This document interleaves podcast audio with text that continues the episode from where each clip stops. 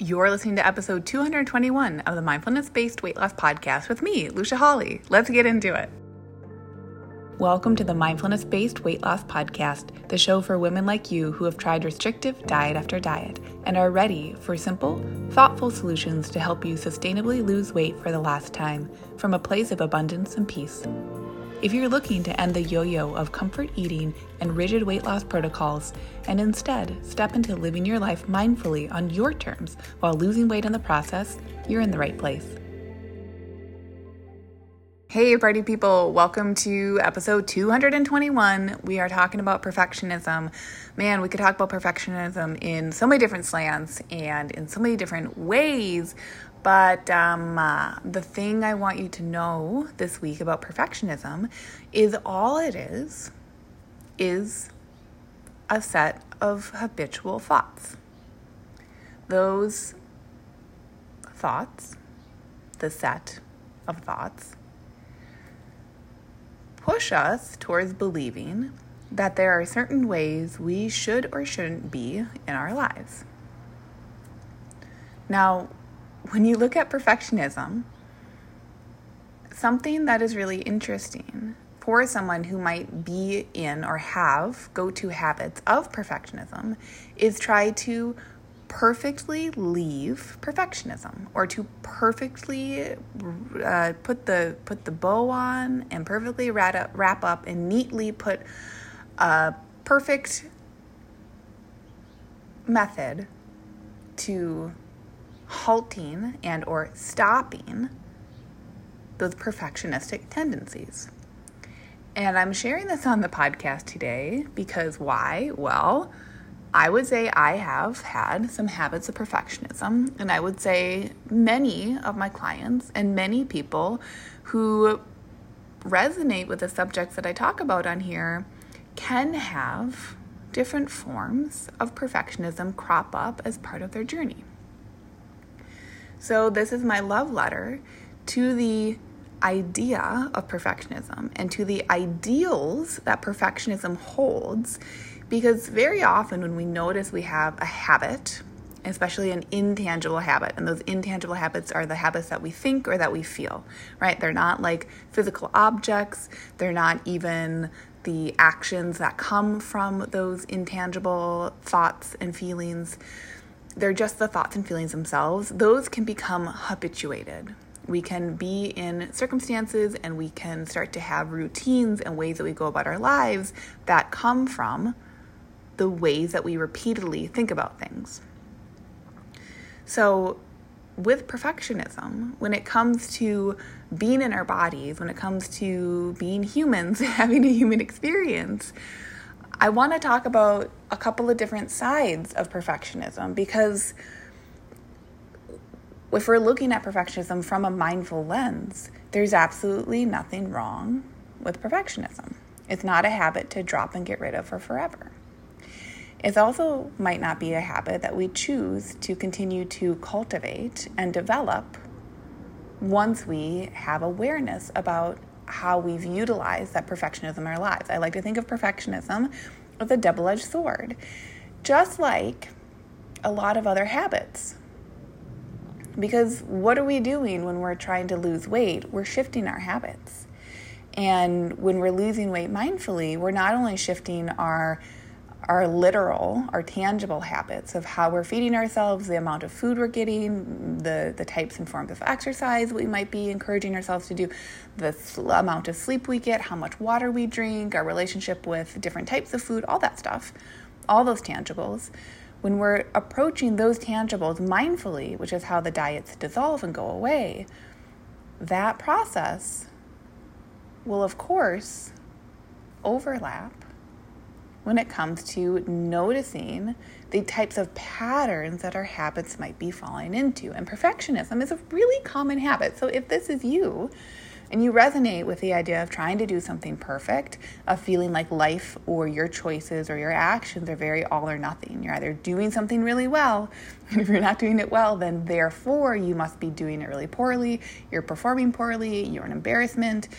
If you struggle with feelings of guilt or shame or blame, if you judge other people and you have rules and expectations for how other people should be acting. Um, there are some different types of perfectionism. Often, I would say, perfectionism is very much inflicted towards ourselves, but usually how we treat ourselves is also kind of how we're thinking about other people. So, it can be an interesting exercise to notice with perfectionism what are the rules or judgments or beliefs that I have about how other people should be living their lives? And are those true? Now, these are kind of big esoteric questions. And so if you're newer to the show, you might be saying like, "What?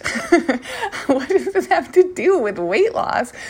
But it has everything to do with weight loss. And the reason I bring up a lot of questions on the show is because I personally can't answer your like the question of well how does perfectionism serve me? How does perfectionism affect me? How does it affect how i'm going through my life? That's something for you to answer. So i think one of the best ways in pursuing a life that is more free from diets a life where weight loss is within your purview where you truly feel in the driver's seat is also practicing that relationship with, oh, the answers are not external. All I can really understand and learn externally might prompt me to ask questions that I have the privilege and the ability to answer. And now, listen, as a perfectionist, if we get really meta here, that can feel like the weirdest thing to actually trust yourself to have answers about things that you might not have asked yourself before. a perfectionist would say, Let me get back to you on that. a perfectionist might say, like, well, I've got to practice something before I know it. And so, even the act of approaching the subject of perfectionism can bring up some feelings and it can bring up some perfectionistic tendencies and traits. So, being mindful about perfectionism like if there's any takeaway you get from today's episode because it's just going to be it's these different handfuls of questions. It's not a specific roadmap of how to do this how to do that because that actually reinforces perfectionism. Part of the esoteric nature of perfectionism is that it can be self-fulfilling similar to anxiety anxious thoughts, when those anxious thoughts come up, they have a lot of ideas about how the future should be going, the things we should and shouldn't be doing. If I do this thing, it'll keep me safe. If I don't do that thing, it'll keep me safe, etc. Same thing with perfectionism. If I continue to be perfect, then everything will go according to plan. And if I'm not perfect, then things are going to fall apart, and, those, and that's bad because X, Y, and Z.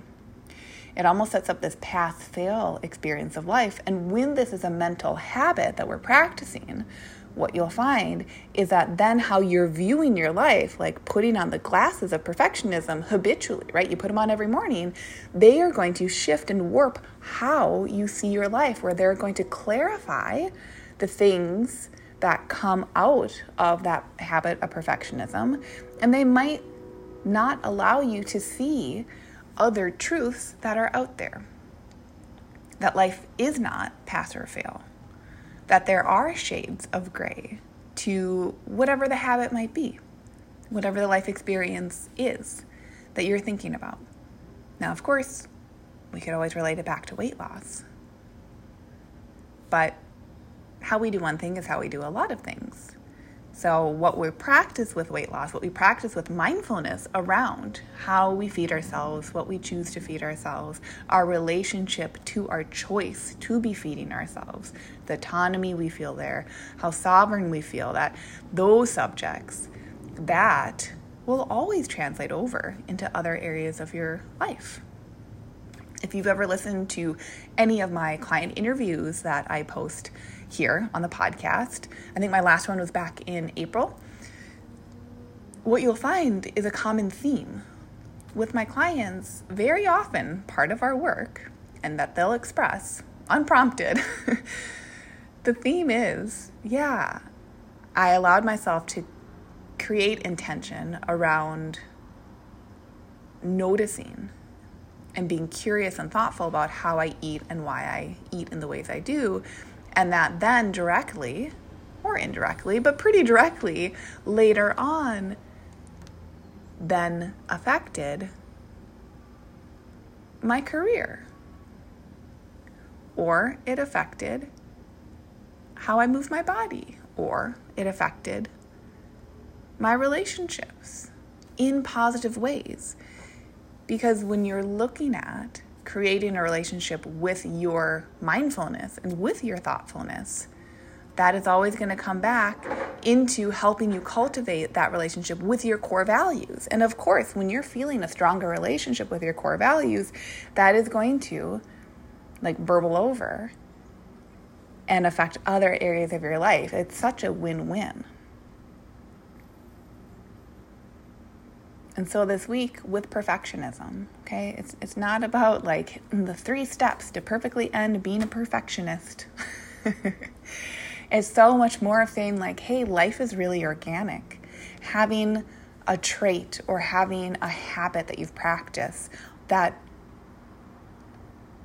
reflects and appears to be perfectionistic is organic in and of itself. It's almost ironic that perfectionism is a very common trait is a very common way that as humans we try to control our circumstances and worlds, right? Because it sets up that if then statement. If I do this, this, this, and this, then that will happen. And so the way that we allow some organicness to come back into that thought process where it becomes a little bit less robotic and we ourselves can then thrive. Because remember, you are organic. We all are we all ebb and flow. We have so much more gray area and like shades of everything to ourselves than a lot of habituated thoughts and kind of diet culture thoughts. Perfectionism is diet culture. It says you're only good if you're this way and you're bad if you're anything but that. The way that we shake that off is that we stop allowing it to be a problem and we start to recognize aha, the habit of perfectionism is organic within itself. Isn't that so interesting? Me trying to perfectly end perfectionism is organic in itself. Isn't that so curious? What do I think about that? Would I like to observe that? And if you're listening to this episode, you might come to this part and be like, yeah, but Lucia, what do I do about it? And that's exactly it. There's nothing to do about perfectionism except cultivate that awareness. And from that point, you're probably actually going to have a really good idea of what would make sense to shake things up a bit. By allowing yourself to create that thoughtfulness around the intangible habits, then the tangible habits can come up to the surface, and you might find very explicit and specific ways of creating shifts in how you talk to yourself, of creating shifts in how you feed yourself, of creating shifts in your confidence to create shifts. Like I know this is this is the doozy of an episode. If you're newer to the podcast, like again, it's very meta. It's very um, rooted in noticing. And I will say, if we tie this back into diet culture, diet culture is pretty hell bent on having most of us not notice stuff diet culture would love for us not to notice our hunger or our satisfaction, right? Because then diet culture continues to have all the answers. Diet culture would love to have you be hung up, would love to have you be confused. Diet culture would love for you to feel less than. Diet culture would love for you to not feel like you can understand yourself or ask and then answer your own questions. That's diet culture. You know what I mean? Diet culture is reinforcing the narrative of perfectionism of the if then statement, which will continue to perpetuate itself until you decide to get curious about it.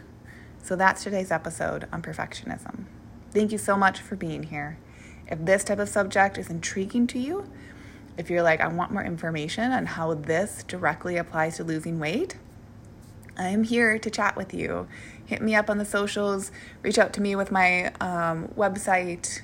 I'm available to chat and talk through. If this type of approach to weight loss is something that is intriguing to you, let's talk about it and let's see if working together is a nice fit. And if it isn't, I'll let you know that too. But I promise you, this is how diet culture ends. And so, if you're curious about ending diet culture, it, it ends from the inside out and it ends from self inquiry because that's how we get to know ourselves. And I don't know of anything more powerful than someone who knows themselves well. So thanks for being here, and I'll see you on next week's episode. Bye.